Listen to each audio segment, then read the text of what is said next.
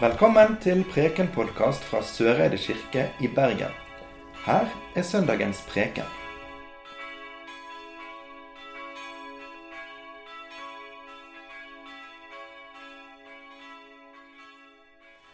Det står skrevet i evangeliet etter Johannes, og vi reiser oss. Den tredje dagen var det et bryllup i Kana i Galilea. Jesu mor var der. Også Jesus og disiplene hans var innbudt. Da vinen tok slutt, sa Jesu mor til ham, 'De har ikke mer vin.' 'Kvinne, hva vil du meg?' sa Jesus. 'Min time er ennå ikke kommet.' Men moren hans sa til tjenerne, 'Det han sier til dere, skal dere gjøre.' Det står seks vannkar av stein der, slike som brukes i jødenes renselsesskikker. Hvert av dem rommet to eller tre anker.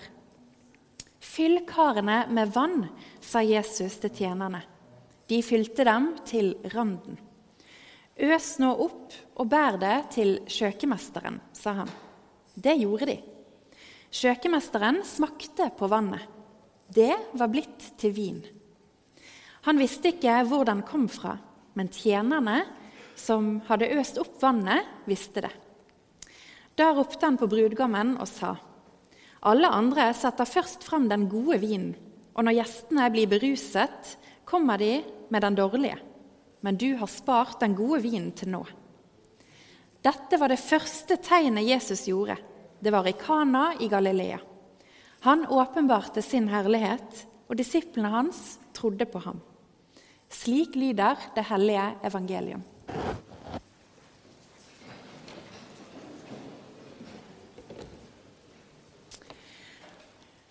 Dette var altså historien om da Jesus gjorde vann til vin. En av de mest kjente historiene om Jesus, faktisk. En historie fra Bibelen som jeg faktisk aldri har fått snakke om sånn som dette her før i dag. Dette var det første tegnet Jesus gjorde, ifølge Johannes-evangeliet.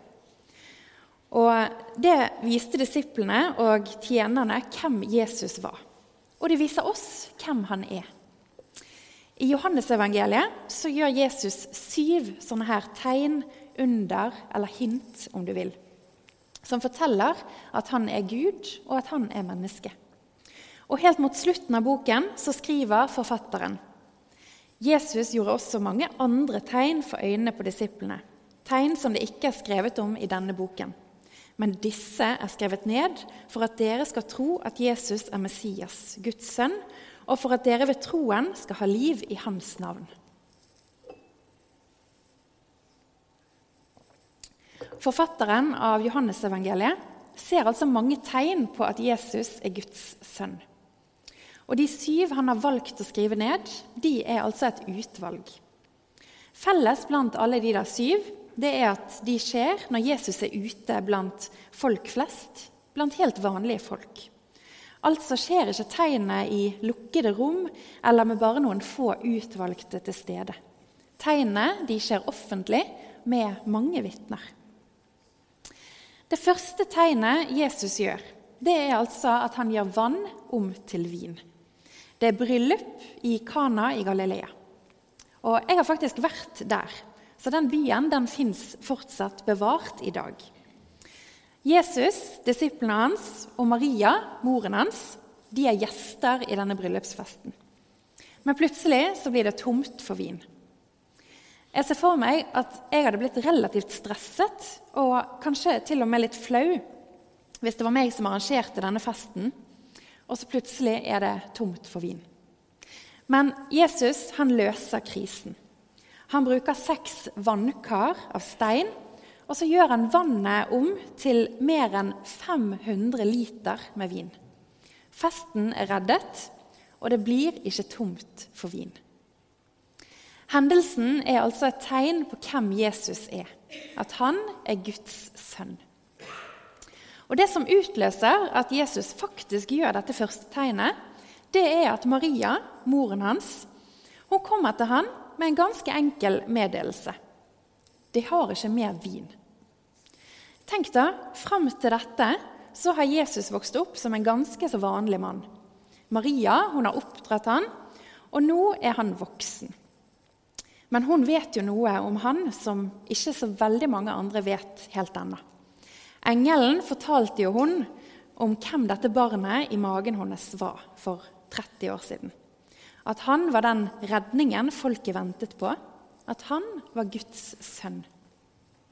Så Maria hun har nok litt forventninger når hun sier disse ordene til Jesus. De har ikke mer vin. Det er en så hverdagslig bønn til Gud som jeg tror det er mulig å komme med. Og Maria hun kjører på. Og så retter hun tjenernes oppmerksomhet mot Jesus og ber de gjøre som han sier. Maria hun har virkelig troen på at det skal skje noe spesielt, og det gjør det. Dette første tegnet på hvem Jesus er, det har noen sånne jødiske renselseskar som sentrum. Og Disse karene de ble brukt til å vaske hender og føtter for at jødene skulle få tilgang til å nærme seg Gud i tempelet og synagogen. Altså, for at en jøde skulle få lov til å tilbe Gud, så måtte vedkommende vaske seg grundig etter lover og regler som prestene passet på. Og I tillegg, hvis en kvinne hadde mensen eller akkurat hadde født, så måtte hun holde seg unna frem til hun hadde sluttet å blø. Og Hvis noen hadde hudsykdommer eller de f.eks. var blinde, så kunne ikke de være med i fellesskapet i synagogen eller i tempelet. Og så var det bare hvis du tilhørte riktig type jødedom, at du fikk lov til å komme inn. faktisk. Men det Jesus gjør her, det er at han gjør vann til vin. Og så fyller han disse renselseskarene med bokstavelig talt nytt innhold. Fra nå av så er det ikke lenger sånn gjentagende vasking av hender og føtter som gir adgang til Gud. Jesus er Guds sønn, som er kommet til jorden, og som er tilgjengelig for alle mennesker, uansett hvem de er, hva de har gjort, eller hva de har latt være å gjøre. Og Han viser det gjennom at det er tjenerne i bryllupet som skjønner hvem han er.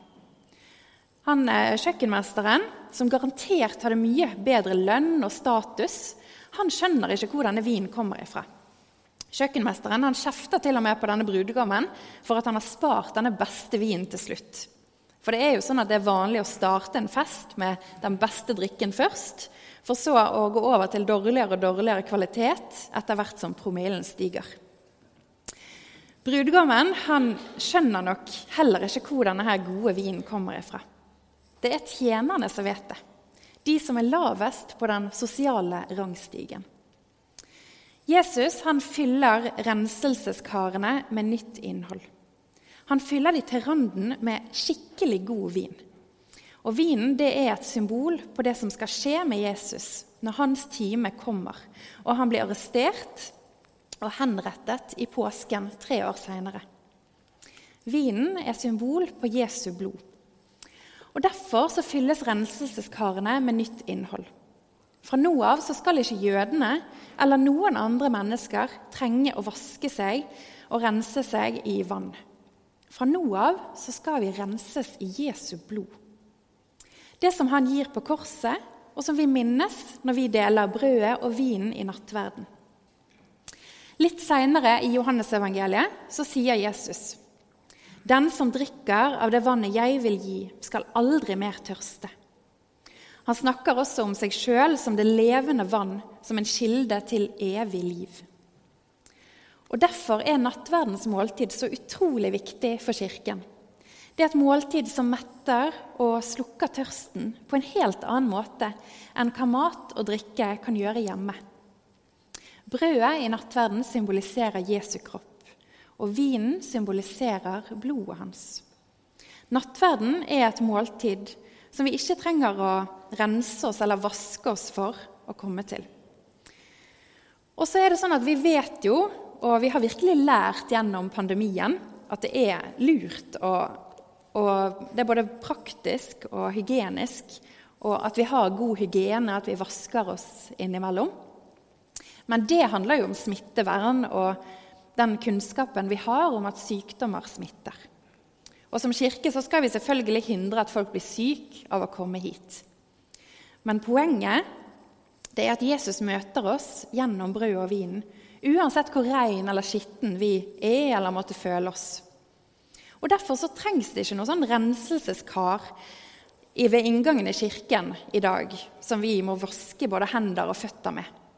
Vi trenger bare å møte opp her i dag, og så strekker vi ut hendene våre, og så tar vi imot brødet og vin.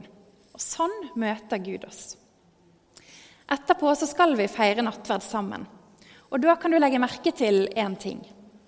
For i disse små kalkene vi har, som vi drikker vin fra, der kommer det til å henge igjen omtrent en dråpe eller to med vin etter at du har drukket av den. Og Det er en påminnelse som hjelper meg å se og tro at det alltid fins mer. Det blir ikke tomt for vin. Ære være Faderen, Sønnen og Den hellige ånd, vår skaper, frigjører og livgiver. Amen.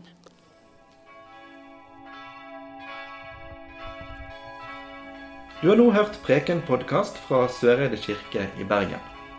Følg oss gjerne på Facebook og Instagram, eller gå inn på vår nettside kirken.no soreide. Takk for at du hørte på.